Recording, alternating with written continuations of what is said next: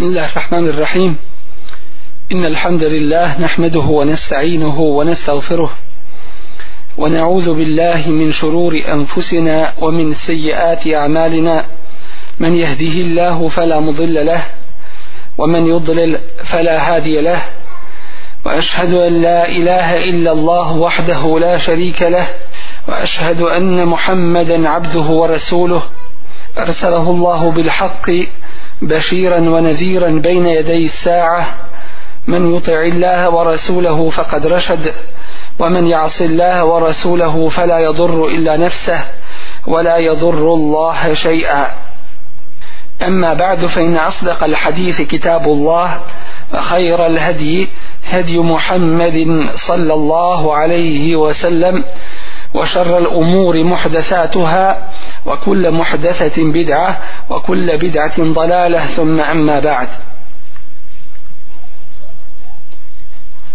govoreći o pojedinim pitanjima vezanim za naš svakodnevni život na ovome svijetu i onome što nas očekuje na budućem govoreći o našoj vjeri kao sistemu života i principima iz kojih čovjek ne može izaći, a ako izađe sam je sebi naštetio, a Allahu ne može nimalo nauditi.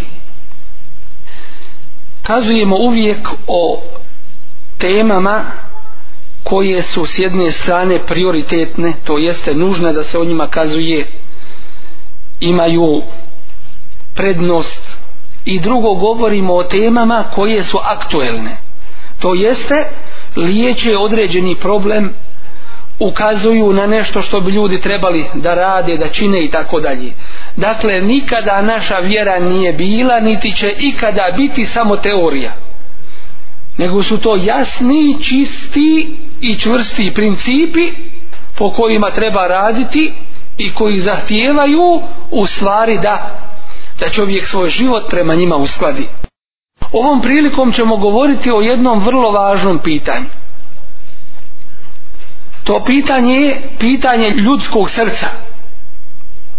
Pošto u ljudskome tijelu kako nas obavještava Allahu poslanik sallallahu alaihi ve sellem svima nama poznatom hadisu postoji jedan organ kada on bude kako treba kad bude on u redu onda je i cijelo tijelo u redu a ako on ne valja onda ne valja i sve ostalo a to je srce govor je dakle o srcu ali ne sa ove fizičke strane nego sa vjerske strane i srce se može razboljeti i postoji nešto što se zove bolesti srca koje se ne liječe u klinikama za liječenje srca već u ovoj najvećoj uputi cijelome čovječanstvu a to je po Kur'anu i sunnetu Resulullah sallallahu alaihi wasallam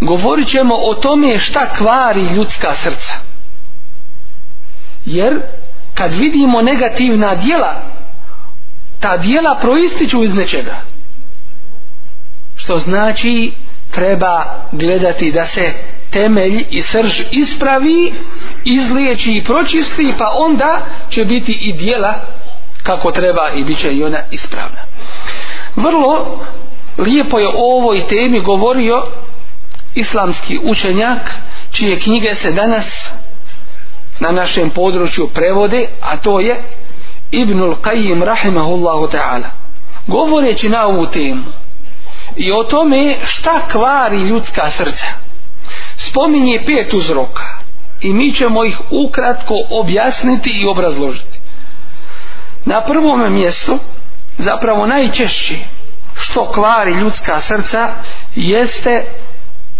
neispravno druženje ili društvo koje čovjeka odvodi od onoga što valja i što je ispravno. Zatim lažne nade da čovjek gaji lažne nade. Potom vezanje za nekoga drugoga mimo Allaha te barake taala. Za dunjaluk, za ovo, za ono i tako dalje. Zatim jesti prekomjerno i spavati prekomirno To je pet glavnih uzroka koji vode do iskvarenja ljudskog srca, a samim tim i do, i do ostalih vidova grišenja. Što se tiče prvog ovoga uzroka, i može se reći i najčešćeg uzroka, a to je druženje sa ljudima u osnovi druženje nije pokuđeno. Ako ono ima za cilj pokornost Allahu te bareke ve taala, na dobročinstvu i bogobojaznosti. Društvo da imaš koje će te pomoći u dobru, povećati dobro koje je kod tebe, a smanjiti zlo koje bi učinio bez njih, divno li je to društvo dočim društvo koje će tvoje dobro umanjiti umjesto da spominješ Allaha da govorite o korisnim stvarima vezanim za ovu vjeru i za ahiret umjesto da te spriječe od zla s druge strane oni ti zlo povećaju a dobro smanje loše li je to društvo i ono samo čovjeku povećava njegovu propast i žalost koju će imati na sudnjemu danu.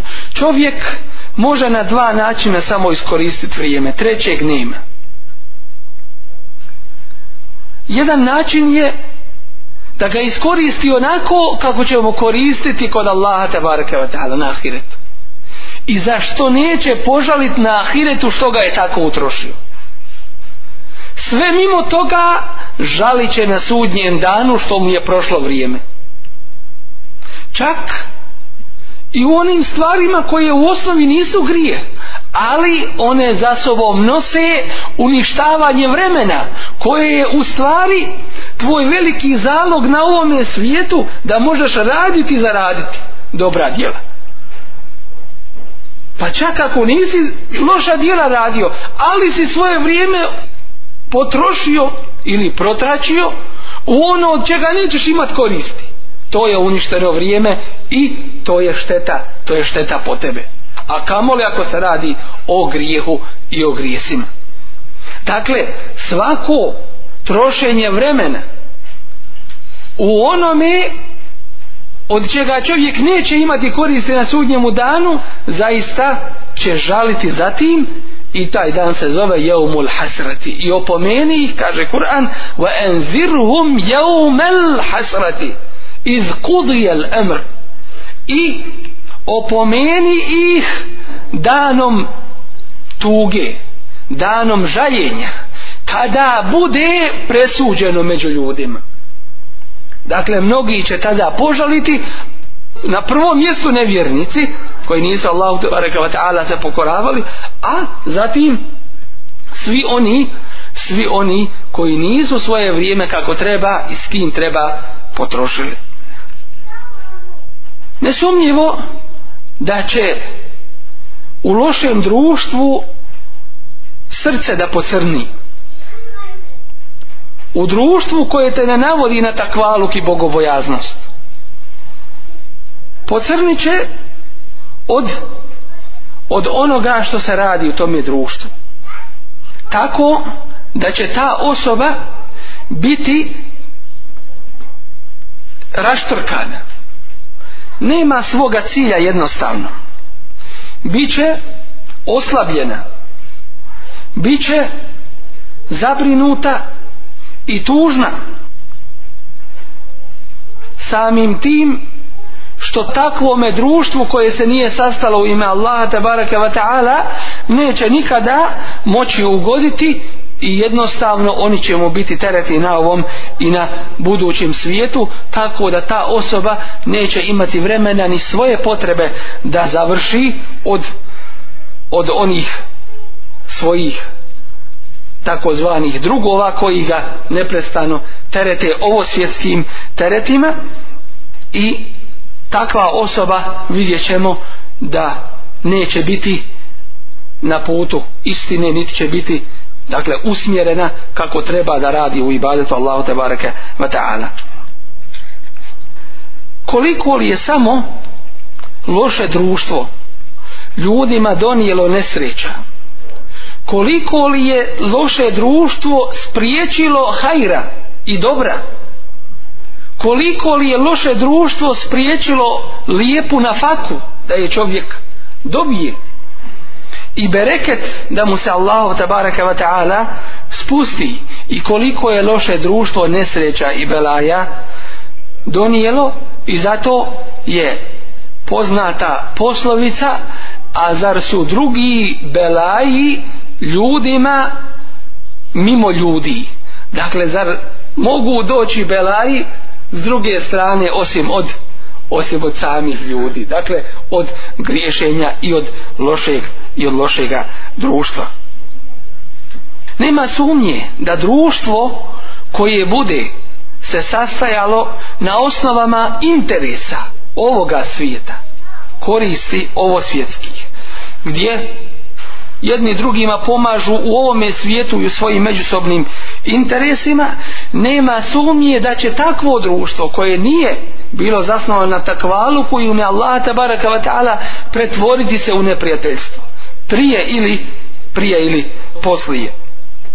Uzvišeni Allah tabaraka wa ta'ala opisuje takvoga ili takve koje je loše društvo odvelo s pravoga puta pa kaže وَيَوْمَ يَعَدُّ الظَّالِمُ عَلَى I na dan kada zulumčar, kada nepravednik bude grizao svoje ruke od prsta do ramena uzet će se i ujedati za svoje ruke od velike muke i žalosti i tuge Jakulu govoreći ja lejteni da sam ja Bogdo do i me ar rasuli bila slijedio pravi put koji je na kome je bio Allahov poslani Dakle, žalit će što nije bio na putu Resulullah Sallallahu Ja vejleta, kamo li sreći, lejteni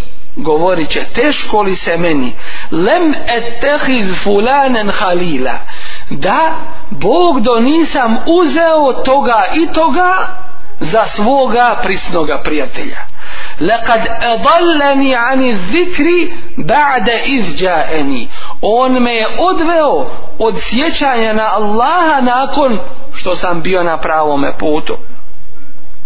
وكان الشيطان للإنسان hazula a šeitan čovjeka na cjedilu ostavlja Dakle, uljepša mu nešto, a nakon toga ga ostavi da strada i pusti da ide u džehennemsku vatru. Dakle, iz ovoga jasno vidimo, iako je ajet objavljen u pogledu mušrika, u pogledu Ukbe ibn Ebi Muajta, koji je prihvatio islam, ali kada je doživio pritisak od svoje okoline, onda se vratio na širki kufr. Iako je ajet posebnog povoda, on je opšteg značenja. Što znači odnosi se i na onoga koji je prihvatio din, pa zbog pritisaka svoje okoline, rodbine ili društva, ostavio ga i vratio se u džahilijet, ili onoga koji je prihvatio istinu, a zatim počeo ići unatrag, počeo popuštati u tome i ostavljati jedan po jedan od propisa ove vjere. I takav će sigurno požaliti. Neko će više, a neko manje. U svakome slučaju svako onaj koga društvo odvede od pravoga puta u onolikoj mjeri u se odvojio od Allahove vjere. I kaže uzvišni Allah Baduhum li ba'din لبعض illa al muttaqin. prisni prijatelji toga dana bit će jedni drugima neprijatelji osim bogobojaznih samo bogobojazni njihovo prijateljstvo iskreno sa dunjaluka će se nastaviti i na ahiretu zato što je to bilo u ime Allaha, a ono što je u ime Allaha, ono se ne prekida. A ono što je u ime nečega drugoga, to je privremeno i to se, i to se prekida i to prestaje. Dakle, samo bogobojazni će biti jedni drugima prijateljima na sudnjemu danu, dok drugi najprisniji prijatelji bit će otvoreni neprijatelji. Dvojica se družili na ovome svijetu, volili se ovako kao što mi vidimo, ali to nije bilo u ime Allaha, na sudnjem danu bit će jedan drugome neprijatelj. I govorit će jedan drugome, ti si me odveo sa pravoga puta, a ovaj će drugi njemu govoriti i odgovarati, da si ti valjao ne bi me slijedio. I tako, inša Allah, o tome ima poseban govor i poseban ders o događajima ili tim prepirkama koje će biti na sudnjem danu između onih koji su bili na, na krivome putu. Dakle, jednostavno bit će jedni drugima neprijatelji optuživati se na sudnjem danu međusobno. I kaže uzvišeni Inne min dunillahi eusanen Vi ste mimo Allaha uzeli idole. Šta je idol?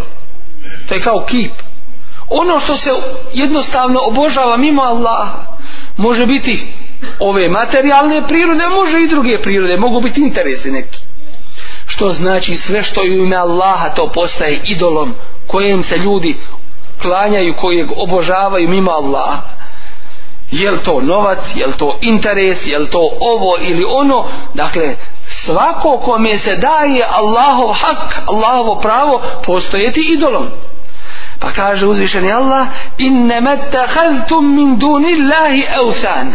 Uzeli ste mimo Allaha idole. vedete bejnkum. Da to bude uzrokom međusobne vaše ljubavi i pažnje. Fil hajati dunja. Na ome svijetu. Nekad to može biti taj idol nacija. U ime nacije se voli. A ne u ime Allaha, Dakle u ime porijekla, u ime državljanstva, u ime ovoga, u ime onoga, sve su to ti kipo. Bliži ti ovaj zato što je iz tvoga mjesta, a on ni za namaz, ni, ni, za, ni za abdes, ni za šta ne zna u Allahovoj vjeri. Ne može. To su ti kipo. Dakle, ono na osnovu čega i u ime čega gradiš tu ljubav i voljenje, to je to je ono što obožavaš. I sama ženitva i sama ženitba je na osnovu Allahove vjere i dina. Jer ako tvoja žena neće u din i neće Allaha i protivno je ovoj vjeri, prvo ju upozori, pa je opomeni, a nakon toga kad si iscrpio sve moguće mjere, onda više ti ne imaš hajra sa njom. I ne može biti draga mi, volim je. Allah ti je draži i preći, to treba da bude. A isto tako kod žene ti pravo on krivo prokušaj, probaj sve što je Allah propisao a nakon toga kad neće više ne smiješ taj njim biti u tome braku zašto? jer uzvišeni Allah kaže وَلَا تَرْكَنُوا إِلَى الَّذِينَ ظَلَمُوا فَتَمَسَكُمُ النَّارِ nemojte se prislanjati uz zulumčare pa će i vas vatra skadovat što znači ne smiješ nema to aman volim ljubav i gotovo gdje je Allah u tome nema u nas ono što kažu razbolio se od ljubavi ne može ni da jede ni da pije pamet izgubio aman pa da ti kaže seždu mi učini bilo učinio šta bi žrtvovao za to jel tako od Allaha voliš pa kakav je islamski hukum koga voliš mimo Allaha to ti je božanstvo koga voliš kao Allaha i ne daj Bože više od Allaha to ti je to božanstvo Klanjo ti njemu ili ne klanju. na neki na, vid i način ti mu se pokoravaš i obožavaš ga summa jeumel kijamet i zatim na kijametskom danu te koje ste uzimali mimo Allaha ili u ime nekih drugih interesa za voljenje jekfuru ba'dukum bi ba'd vi ćete nijekati jedni drugi zanijekati jedni drugi govorit ćete nemam ja ništa s sobom nikad te moje oči ne vidle Badu ba'dukum Bada i proklinjat ćete jedni druge وَمَعْوَاكُمُ nar a džehennemska vatra će vam biti stjecište وَمَا لَكُمْ مِنْ a nećete imati nikakvog pomagača onoga ko će vam pomoći u tome u toj patnji i u tim mukama. Dakle, loše društvo koje čovjeka odvodi od, od hajra. Osoba jedna počela učiti Kur'an, učiti zikrove ispravne sunnetske, izutra na večer kad treba i kako treba i tako jedno vrijeme ustrajala. Dok nije došla druga osoba. I malo pomalo kroz to društvo umjesto da se Allah spominje, spominju se ljudi. Umjesto da se Allah veliča, ponižavaju se ljudi i gibet se čini i prenose se riječi i umjesto hajra ode u šer, Ode u zlo. I na kraju kad vidiš ostao na namazu, a kažemo nije ni na namazu, zašto? Jer namaz da je kako treba odvratio bi od zla, jer Kur'an kaže inna salate tenha anil fahša i wal munker. Namaz spriječava svaki vid nemorala i nevaljalštini. Pa ako je namaz kako treba, spriječit ćete od zla. I povećat će se dobro. I potom ćeš vidjeti jel si Kabul namaz ili nije. Po tome ćeš vidjeti. I post, i namaz, i svi ostali ibadeti. Ako nakon toga ibadeta osjetiš želju, volju, snagu da radiš više dobra, elhamdulillah, a manje zla. To je jedan od velikih alameta, znakova primanja dobrog djela kod Allaha A ako ga radiš da se kutarišeš, da se oslobodiš toga, nema ništa od toga. Ništa. Dakle, to nije formalnost jedna. Kako ćemo znati koje je druženje ispravno i kada čovjek treba da se druži? I s kim rekli smo već s onima koji će mu donijeti dobro i povećati dobro kod njega, a umanjiti zlo. Osnova je da se ljudi druže u dobru. Kao što je namaz u džematu, kao što je džuma namaz, kao što su bajrami, Hadž, zatim učenje i poučavanje zatim borba na Allahovom putu zatim međusobni nasihat a da ostavlja ljude u šerru, u zlu dakle da ne učestvuje sa njima u tome zlu i u onome što je dozvoljeno ali je tu gubitak vremena Islam ne zabranjuje čovjeku mubahat dozvoljene stvari koje su ostavljene čovjeku na slobodnu volju ali da u tome čovjek pretjera e to je ono što je pokuđen.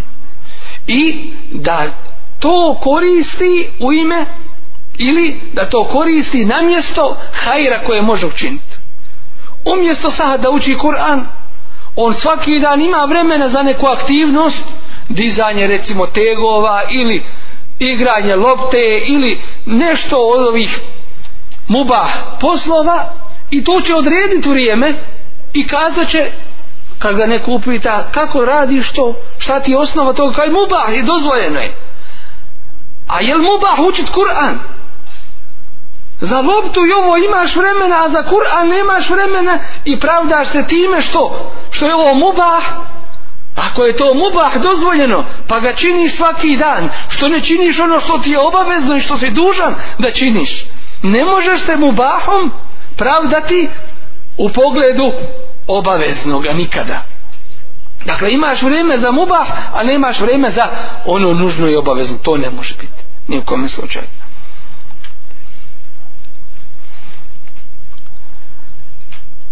A ako čovjek bude prinuđen da učestvuje s ljudima ili da se miješa sa ljudima a oni rade neki šrv u tome slučaju neka se dobro čuva da ne bude da ne bude činio ili da ne čini ono što oni rade od zla dakle ako nije omogućeno da se povuče iz takvoga društva našao se tu onda ne smije čini to što oni čine ne smije ih u tome podržavati niti im smije u tome odobravati a nakon toga kad oni vide da on nije kao oni mora se strpiti na ezijetu i netrpeljivosti i uznemiravanju koje će podnositi od njih jer te neće pustiti da ti budeš kako treba među onima koji su kako ne treba tako je bilo i prije kažu za Luta a.s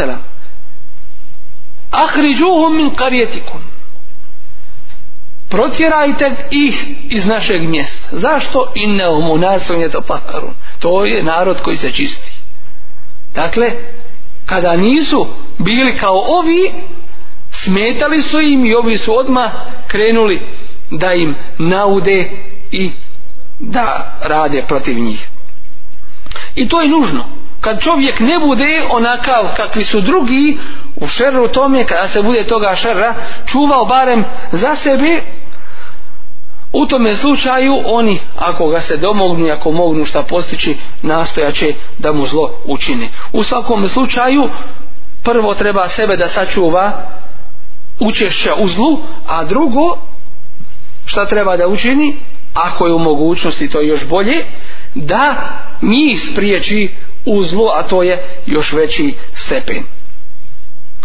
Nema sumnje onaj ko otrpi na Allahovome putu neprijateljstvo i uznemiravanje koje će ga neminovno zadesiti, to će mu nakon toga iskušenja donijeti ponos i to da će ga ljudi zavoljiti i da će biti priznat u njihovim očima i da će ga pohvaliti Dakle, mu'mini će ga prihvatiti, a bit će svakako što je još najpriče i najvažnije kod Allaha tabaraka wa prihvaćen, jer je ostao ispravan i nije se povodio za ljudima onome što su oni radili. A u suprotnom slučaju, bude li se povodio za ljudima u šerru, to će mu donijeti to će mu donijeti sramotu, to će mu donijeti poniženje, donijet će mu da će ga ljudi na kraju zamrziti, da znači, će se netrpeljivost i neprijateljstvo prema njemu okrenuti da će ga ponižavati to je u pogledu ljudi i u pogledu iskrenih mu'mina a svakako u pogledu Allaha ta'ala i preče da on ne voli one koji su, mu se suprostavljaju u propisima ove vjere zato je bolje da se čovjek strpi kada se nađe u takvome društvu i ne radi zlo to mu je preče i bolje i to će mu donijeti bolje svakako posljedice ostaje nam još jedno ovome pitanje a to je kada se čovjek nađe u društvu koje ne čini grije... ali troši svoje vrijeme u onome od čega nema koristi onda će nastojati da razgovor tih ljudi i dijela tih ljudi okrene da bude Allahu te baraka ta'ala u pokornosti. Dakle, da to bude onako kako Allah traži i zahtijeva. Dakle, ako se sastane takvo jedno društvo pa se ti nađeš u njemu, pričaju o svakakvim stvarima ovoga svijeta, ti nastoj da ubaciš temu dina islama, da ubaciš nešto od čega će imati koristi kod Allaha te bareke ta'ala. Drugo što kvari ljudsko srce jeste lažna nada. Lažna nada obećanja i neosnovana očekivanja. U primjeru jednom se kaže da su lažne nade kao jedna lađa na koju se ukrcavaju besposlenjaci. Dakle, ljudi koji nemaju posla ni cilja na ovome svijetu, dakle, bave se lažnim nadama i očekivanjima koja nemaju svoje nikakve osnove.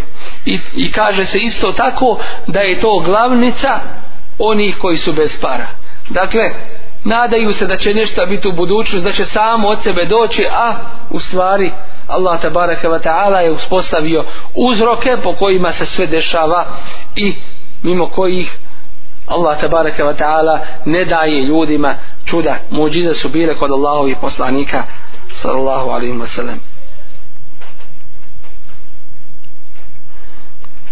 Ljudi se u pogledu ovih lažnih nada dijele na više vrsta. Ima ih koji imaju lažne nade u pogledu dobivanja nekog mjesta među ljudima, položaja, vlasti, časti i tako dalje. Ima ih koji gaji lažne nade u provodu, u ženama, u uživanju na ovome svijetu i nadaju se da će time sve probleme ovog i budućeg svijeta riješiti i završiti. Ima ih koji gaje nade u hodanju među ljudima i trošenju svoga vremena. Ima ih koji gaje nade u lahkom dobivanju i metka i sredstava za ovaj svijet i tako dalje. Tako da onaj ko gaji te lažne nade u stvari je kao čovjek koji sanjari pa kada se probudi ne vidi ništa drugo osim prazne ruke i ništa oko sebe dakle samo sebe takav zavarava mu'min u stvari treba da ima nadu u Allaha tabaraka wa nikako lažne nade zašto? jer lažne nade u stvari zavaravaju čovjeka i Kur'an kaže وَغَرَّتْهُمُ i zanijele su ih ili prevalile su ih emani. Šta je emani? To su te lažne nade. Dakle, nadao se bez ikakve osnove. Ve garrahum billahil garur. I u ime Allaha ih je zavarao ko? Garur. Znate li ko je garur? Ko je garur? Ne znate ga. To treba dobro da ga znate. To je vaš najveći neprijatelj. To je šeitan. Nek sad znate da se on između ostalog zove garur. Jest. A što se zove garur? To je drugo pitanje. Od, od arapske riječi garre je gurru. Šta znači garre je gurru? Znači prevariti, zavarati. Prikaže ti nešto drugačijim nego što to jeste. Pa kad ga u tome poslušaš, a on se izmakne i drago mu što te u tome prevario. Garur se zove. Znači velika jedna varalica lopuža, tako bi se reklo. A čime čovjeka vara tim lažnim nadama i obećanjima? Između kojih je i to kad ustaneš na večer, pa se probudiš, da Allah seš da učiniš, dođe ti, kaže, pred tobom je duga noć. Lezi i spavaj. I šeitan čovjeku tri uzla zaveže. Iznad glave kad hoće zaspati. Pa ako se čovjek probudi i spomene Allaha bareke ve ta'ala, odveže se jedan. Kaže subhanallah ili la ilaha illa Allah, subhanallah ili bihamdi, subhanallah ili Bilo šta od zikra. Odveže se jedan. Pa ako smogne snage pa uzme abdes, odvežu se dva. Pa ako smogne snage pa klanja, onda se i treći odveže i ustane krepostan čio raspoložen vedar dočim onaj ko ne učini tako šta se sa njim dešava ustaje lijen jednostavno umorniji nego što je legao i nikad se naspavati nikad se odmoriti Jednostavno to je šeitanski posao, to je garur, između ostalog. A šeitanovo nije, dakle samo u takvom stanju, to je jedan vid njegovog djelovanja i u času, dakle kada je kada je čovjek najavi, šeitan pokušava da ga skrene sa pravoga puta.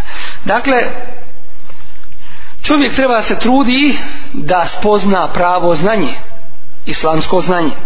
Zatim iman da stekne čvrst, čvrsto ubjeđenje i da radi ona djela koja ga će ga Allahu tebaraka wa ta'ala približiti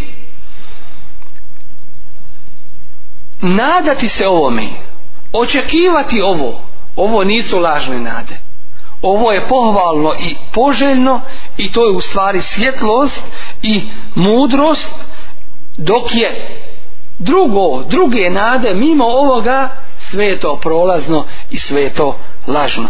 Resulullah sellem je pohvalio onoga koji se nada dobru. Pohvalio onoga koji se nada dobro.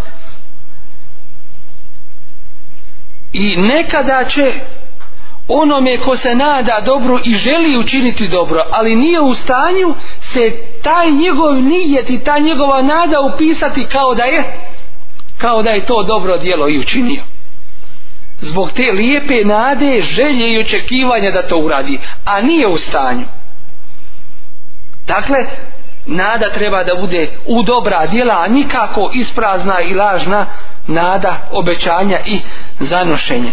Resulullah s.a.v. je upozorio na lažne nade i na to da čovjek očekuje nešto da će samo se desiti na ovome svijetu i da misli da ima puno vremena i prilike na njemu pa je u hadisu kojeg bilježi Buharija rekao kun fi dunja ke enneke garibun ev abiru sebil budi na ovome svijetu kao da si stranac ili putnik ili prolaznik Dakle, nemoj gajiti duge nade. Šta mislite onaj koji je uzeo kredit na 15 i 20 godina? Kakvu on nado ima? Prvo što se u haramu zadužio. I ako umre u takvome stanju bit će oživljen kao lihvar. Znate šta je lihvar? Dakle, onaj koji se bavio kamatama. A hadis kaže, onaj ko daje i uzima su isti. Dakle, grije, grije i proklinji onoga ko daje i onoga ko uzima i onoga ko piše i dvojicu svjedoka petoricu dvojicu svjedoka to jeste žiranata u današnjem vremenu kakvu ta ima nadu 15-20 godina da će živjet pa ne znaš hoćeš li sutra doživjet ne znaš hoćeš li iz ove džamije živ izaći ili, ili ćeš biti okupan i nazad se klanjati ne znaš kad izađeš iz svoje kuće hoćeš li živ se vratiti i kad uđeš hoćeš li živ izaći. Ili će te na tabutu iznijeti. Pa jesi li ti svjestan toga čovječe? To su te lažne nade koje gaje ljudi i koje srce kvari. Ibn Umar radijallahu anhu kome je rekao Allahu poslanik ali sad sam ovaj hadis on se odnosi na sve. Kaže Iza emsejte felaten taziri sabah. Kada omrkneš, ne očeku jutro. Nemoj se nadati da ćeš osvaniti.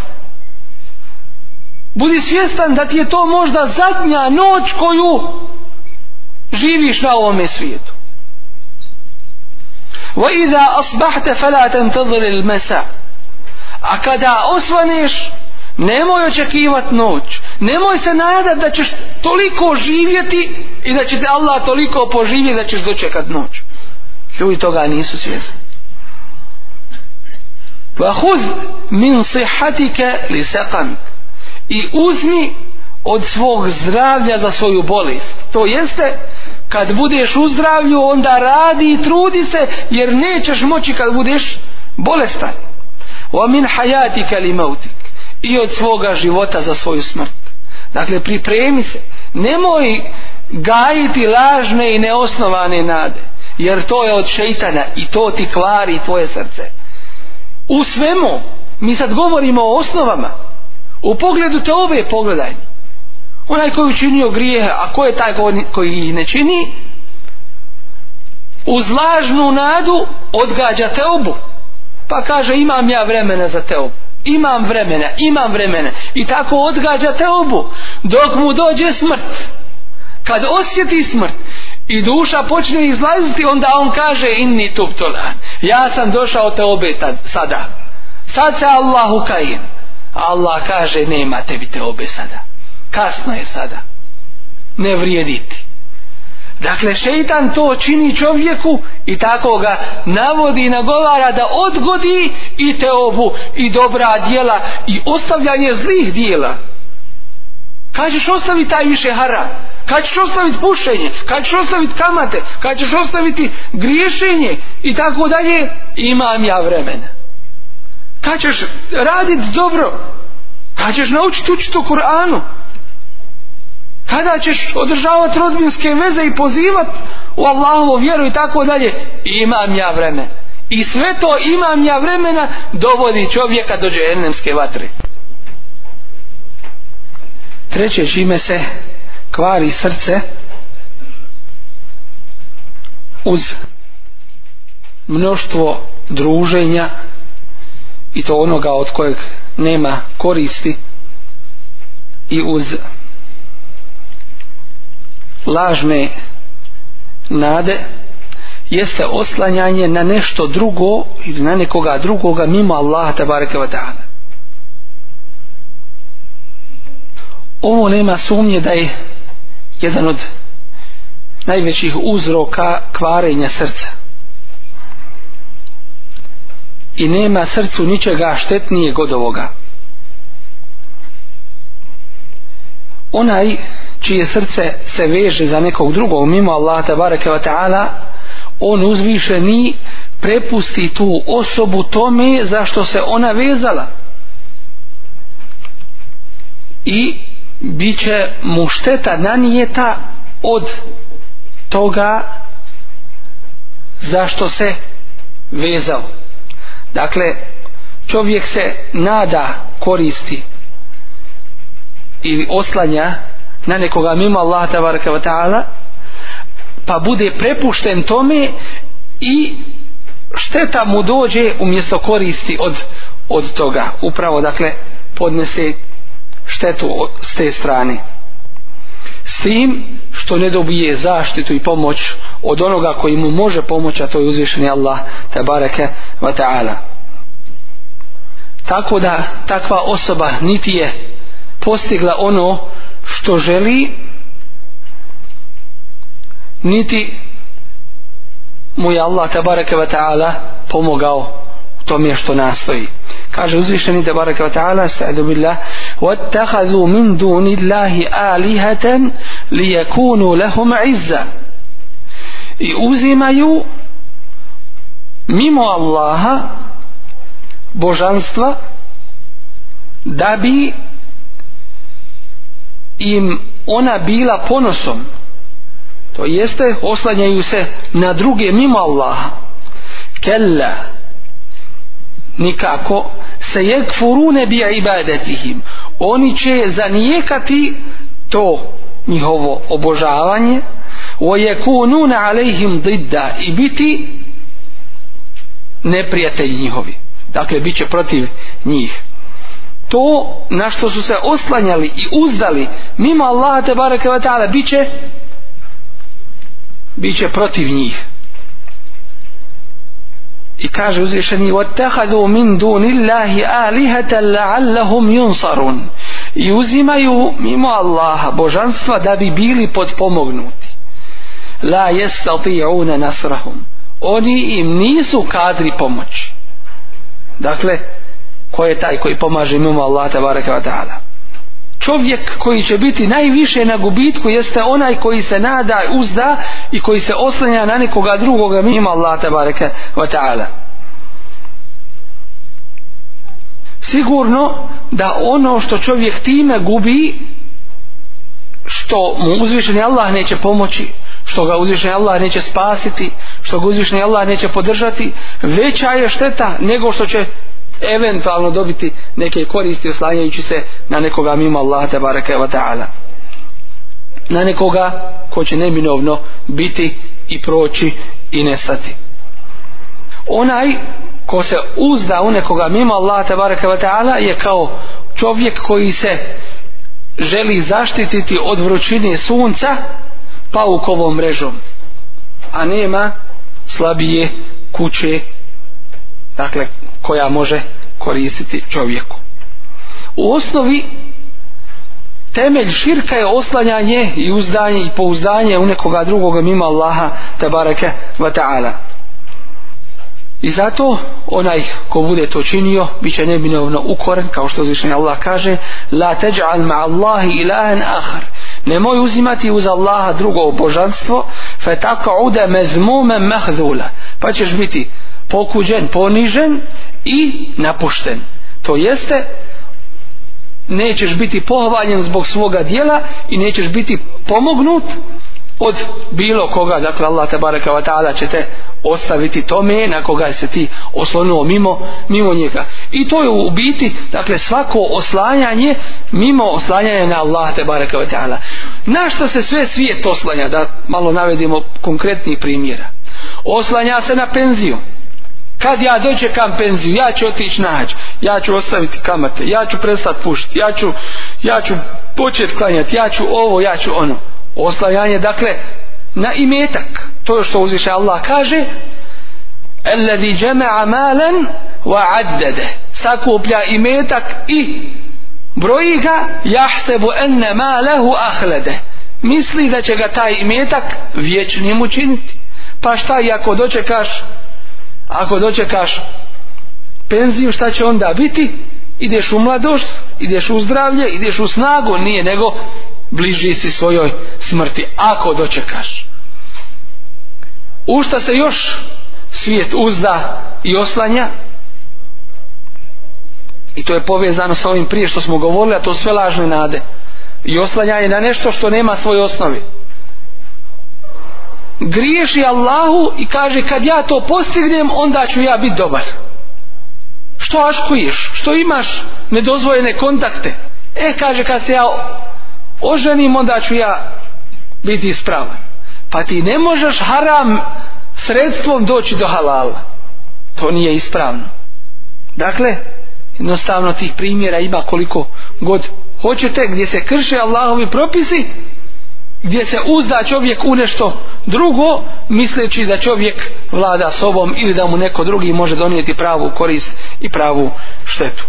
Četvrti uzrok koji vodi u kvarenje ljudskih srca jeste šta?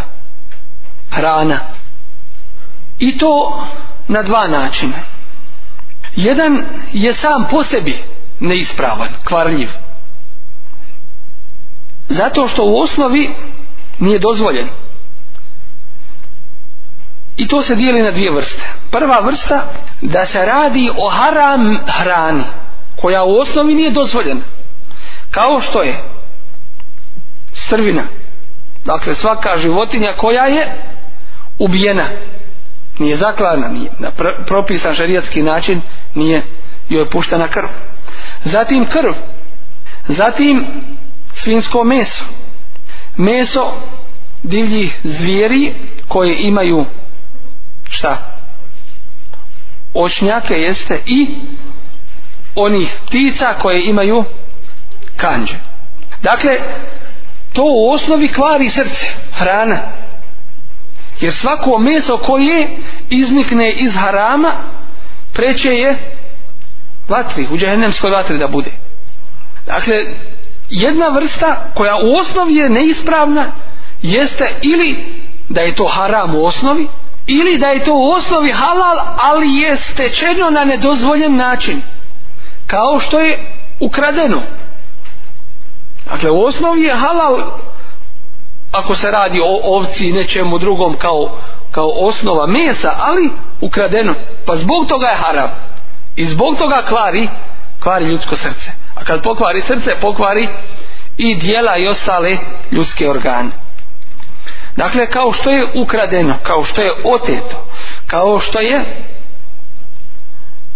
uzeto bez zadovoljstva vlasnika, kao što je uzeto ili dobiveno iz stida, od čovjeka tražiš pred drugim ljudima i znaš da ćeš ga na taj način zastiditi i on ti daje da se ne bi osramotio, a inače ti ne bi dao. Ili u džami ide sa kutijom, sa sandukom i ispred svakog. I on nije namjeravao dati, ali će izvaditi zato što ga je stid drugi. To je kao i ukradeno. Što? Jer uzeto na način stida. Daje da se ne bi osramotio. Dakle, jedna vrsta i jedan vid prisile, iako često ljudi to i ne osjeti. Ne smije se to i to je u osnovi, dakle, nedozvojno i kvari ljudsko srce po toj osnovi koja, koja je neispravna u njemu. Druga vrsta što kvari ljudsko srce zbog prelaska granice, zbog toga što se pretjerala u dotičnoj hrani, kao što je israf u halalu, Dakle, pretjeraš u halalu. I to kvari. I to kvari ljudsko srce. U osnovi je dozvoljeno. I na dozvoljen način stečeno. Ali u njemu je israf učinjen. I ovdje napomena da israf i pretjerivanje biva u halalu, a nikako u haramu. Što? Jer haram je u osnovi haram i ne smije. Nego israf biva u halalu, u dozvoljenom, da pretjeraš sa dozvoljenim, to je israf. To je pretjerivanje i to nije i to nije dozvoljeno. Dakle, da se čovjek prenajede pa ne može, ne može dihat. Toliko se, toliko se najo. Zašto? Zato što ga to otežava pa ne može raditi, čini ga teškim, lijenim, pa ne može činiti i badete. I tu šeitan priđe čovjeku i kaže najdi se dobro da možeš i bade činiti. Osobito uz Ramazan za iftarom. Prenajde se tako da ne može taravih namaz klanjati pa ga je tu prevari dakle najdi se da, da mogneš klanjati a kad dođe vrijeme kaže ne mogu klanjati na sam se i vidiš ga dva rekata klanja i na vrata što? ne može pretjerao u halalu u dozvoljeno tako da se čovjek na taj način zabavi ili biva zabavljen time što je sada u jednom musibetu što se prenajo pa se pa se o sebi zabavio pored spomenutog takvo jelo gdje čovjek pretjerasa rasa jelo jača čovjekove strasti a inša Allah bit će posebno kazivanje i poseban ders o strastima šta su to strasti i kako se sačuvati strasti to trebamo znati dakle takav način jela koji nema mjere ni granice jača čovjekove strasti i otvara i proširuje puteve šeitanovom kolanju kroz ljudski organizam, kroz ljudsko tijelo. Samim tim što šeitan kola kroz ljudsko tijelo putevima krvi. Kuda krv kola, tuda i šeitan kola kroz ljudsko, kroz ljudsko tijelo. A vama je poznato da post stješnjava, sužava puteve kretanja šeitanu i spriječava ga u njegovom radu i djelovanju. I zato se preporučuje onome ko može da se oženi, da se oženi. A onome ko to nije u stanju, onda da posti. Ili nešto drugo da radi. Recite vi meni. Ko ne može da se oženi, šta će raditi? Hoće li se sakriti pa gledati ove ili one filmove ili ove ili one web sajtove da kažemo internet stranice to još više u njemu pojača vatru njegovog šehveta i strasti pa on izgori iznutra ubi ga ali on to ne može ispoljiti sam je kriv umjesto da stiša tu to na prvom mjestu da ispravno usmjeri, a to je da što je oženi halal. Ako nije u stanju, onda da stiša to. Kako? Postom. Znači, umjesto da to posluša, nasihat koji je na mjestu, on ode još više sebe da pati i sebe da, da uništava. I onda traži dozvoljene načine kroz ono što se zove ade sirrije a to je tajni običaj ili posao sakrije se i da ga niko ne vidi na ovaj ili onaj način pokušava tu svoju strast i taj svoj šehvet da zadovolji a to je haram Allahu vjeri nije dozvoljeno dakle hadis sam kaže ako nije u mogućnost da se oženi neka neka posti post mu je zaštita time što se sužavaju putevi krvotoka i šeitan nema mogućnosti zaista u postu da radi ono što radi mimo toga. A prejedanje, zasićivanje ljudskog organizma hranom otvara puteve šeitanu i proširuje ih za njegov rad i djelovanje. Onaj ko puno jede, puno i pije, a onaj ko puno pije, puno i spava, ako puno spava, puno je i, i na šteti i na gubitku.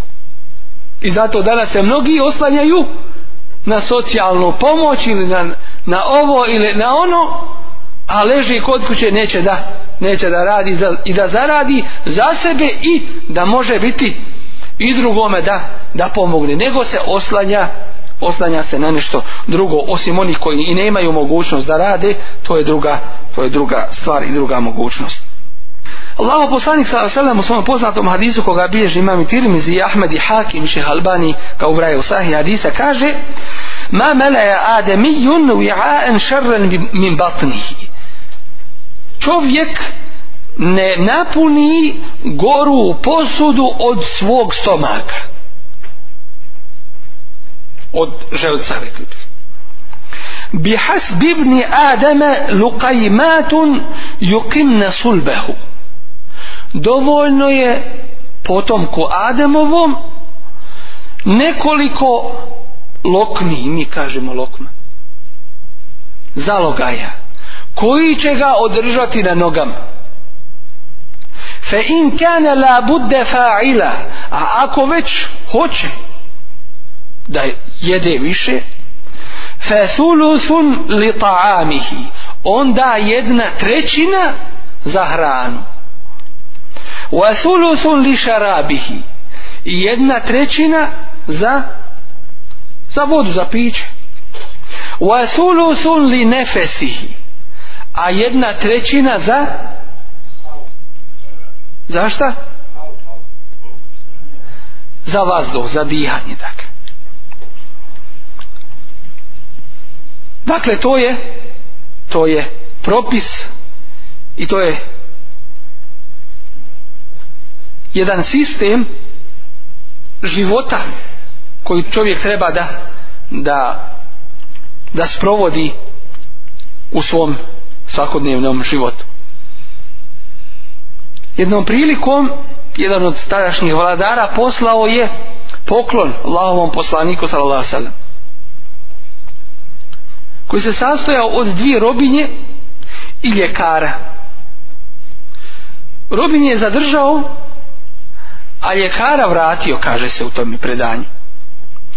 Uz odgovor, mi smo narod koji ne jede dok ne ogladni.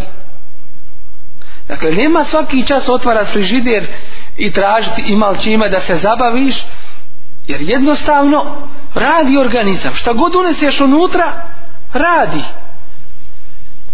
Koliko se uključi organa u tijelu dok se stvari ta hrana. I možete mi stalno onaj ko unosi, bez granice i ograničenja.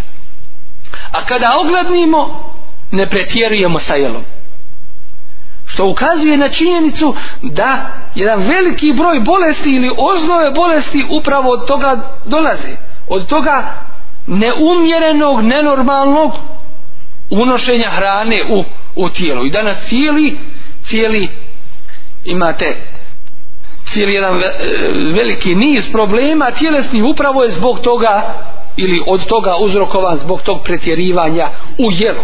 Da ne govorimo o vrstama jela, šta sve ljudi koriste, a i to imamo i nalazimo osnovu u poslanikovoj medicini, kako jesti, način kako jesti, koliko jesti, šta jesti i tako dalje. Sve ima svoju osnovu i sve je to vjera koja je došla da da te usreći na ovom i na budućim svijetu. I peti uzročnik kvarenja srca jeste koji? Spavanje. Dakle, već smo rekli prije spavanje. Spavanje normalno, prekomjerno umrtvljuje ljudsko srce. Postaje kruto, bezosjećajno. Opominješ ga, ne vrijedi opomena. Upozoravaš, nema nikakve koristi. A to je svojstvo koga? Nevjernika koji je musliman ni u kom slučaju ne smije ponašati. Sawaun a lam la yumin. Njima je svejedno opominjao ili ne opominjao. On neće vjerovati. Musliman ne smije sebe dovesti na taj nivo. Spavanje prekomjerno otežava tijelo. Uništava dragocjeno i neprocjenjivo vrijedno vrijeme prekomjerno spavanje dovodi do ljenosti i gafleta nemara čovjek u tome gubi svoj cilj u životu ima ga ima spavanja koje je veoma pokuđeno a ima ga koje je štetno i nema od njega koristi po tijelu. Najkorisnije spavanje je ono koje biva kod velike potrebe za njim. Kada osjetiš potrebu za tim i ulažeš napor da bi ostao u budnom stanju, tad treba da spavaš. Ima ih koji koriste razne napitke čiji sadržaj i ne znaju koji ih održavaju u stanju nespavanja to je nesumnjivo štetno po, po tijelo i ako postane ovisan o tome onda je to još pokuđenije i nije ispravno po Allahu te barake taala vjeri spavanje na početku noći je korisnije od spavanja na kraju noći. Spavanje u sredini dana je korisnije nego na njegovim krajevima. To jeste na početku i na kraju dana. Što se više vrijeme približava krajevima, sve je manja korist od spavanja. Tako je pred kraj noći i tako je na početku dana i na kraju dana. Tako da je manja korista veća šteta. A posebno spavanje nakon ikindije namaza. I spavanje nakon sabah namaza. Osim u slučaju velike nužde i potrebe čovjeku koji cijelu noć nije zaspao pa mu je tada prijeka potreba da zaspi. Što se tiče pokuđenog sna, to je san između sabah namaza i izlaska sunca. Jer to vrijeme se naziva vremenom plijena. Znate šta je plijen? Dobitka. Samim tim što je to početak dana to je vrijeme kada se spuštaju rizkovi na fake. Kada uzvišen Allah barek va ta'ala dijeli i udjeljuje. Kada daje svoj bereket. Kada počinje dan. Tako da cijeli dan ide prema toj osnovi. To je početku dana.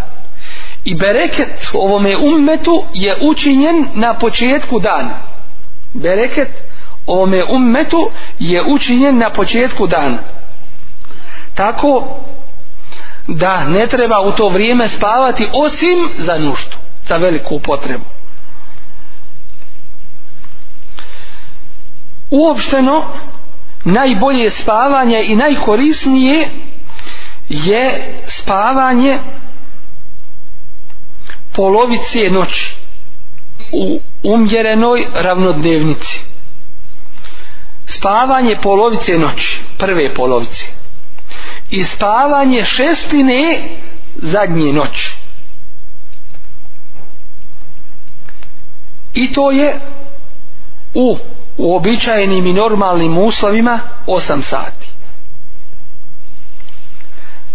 Od sna koje je, koji je štetan je i spavanje na početku noći, nakon akšam namaza tad je štetno i tada je pokuđeno spavanje Resulullah s.a.v. u svome hadisu koji je mu alihi kaže se da je da nije volio spavanje prije jacije nakon akšama dakle do jacije kao ni sjeljenje posle jacije dakle da se ne sjedi nakon jaci nego da se odmah legne a isto tako pokuđeno je da se spava prije jacije ovo su pet glavnih uzroka koje spominje poznati islamski učenjak Ibnul Qayyim rahimahullahu ta'ala gdje opisuje čime se sve kvari ljudsko srce kroz loše društvo kroz lažne nade kroz oslanjanje na nešto drugo mimo Allaha tabaraka wa ta'ala kroz pretjerano jelo i pretjerano spavanje molim Allaha tabaraka wa ta'ala da nas sačuva svih uzroka kvarenja ljudskoga srca da nam učini da naše srce naša srca budu čisti i vezani za svoga gospodara Allah bareke ve ta'ala da se samo na njega oslanjaju i da budu posvećena njemu uzvišeno i sklona njegovom ibadetu kako bismo ispunili cilj i svrhu našeg života na ovome svijetu. Subhanakallahumma bihamdika ashhadu an la ilaha illa anta atubu Inšala u narednim kazivanjima bit će govora o uzrocima koji dovode do proširenja prsa, to jeste rahatluka i ljepote i na ovome svijetu prije ahireta, zadovoljstvu i o tome kako čovjek da se sačuva od svojih strasti i njegovog lošeg uticaja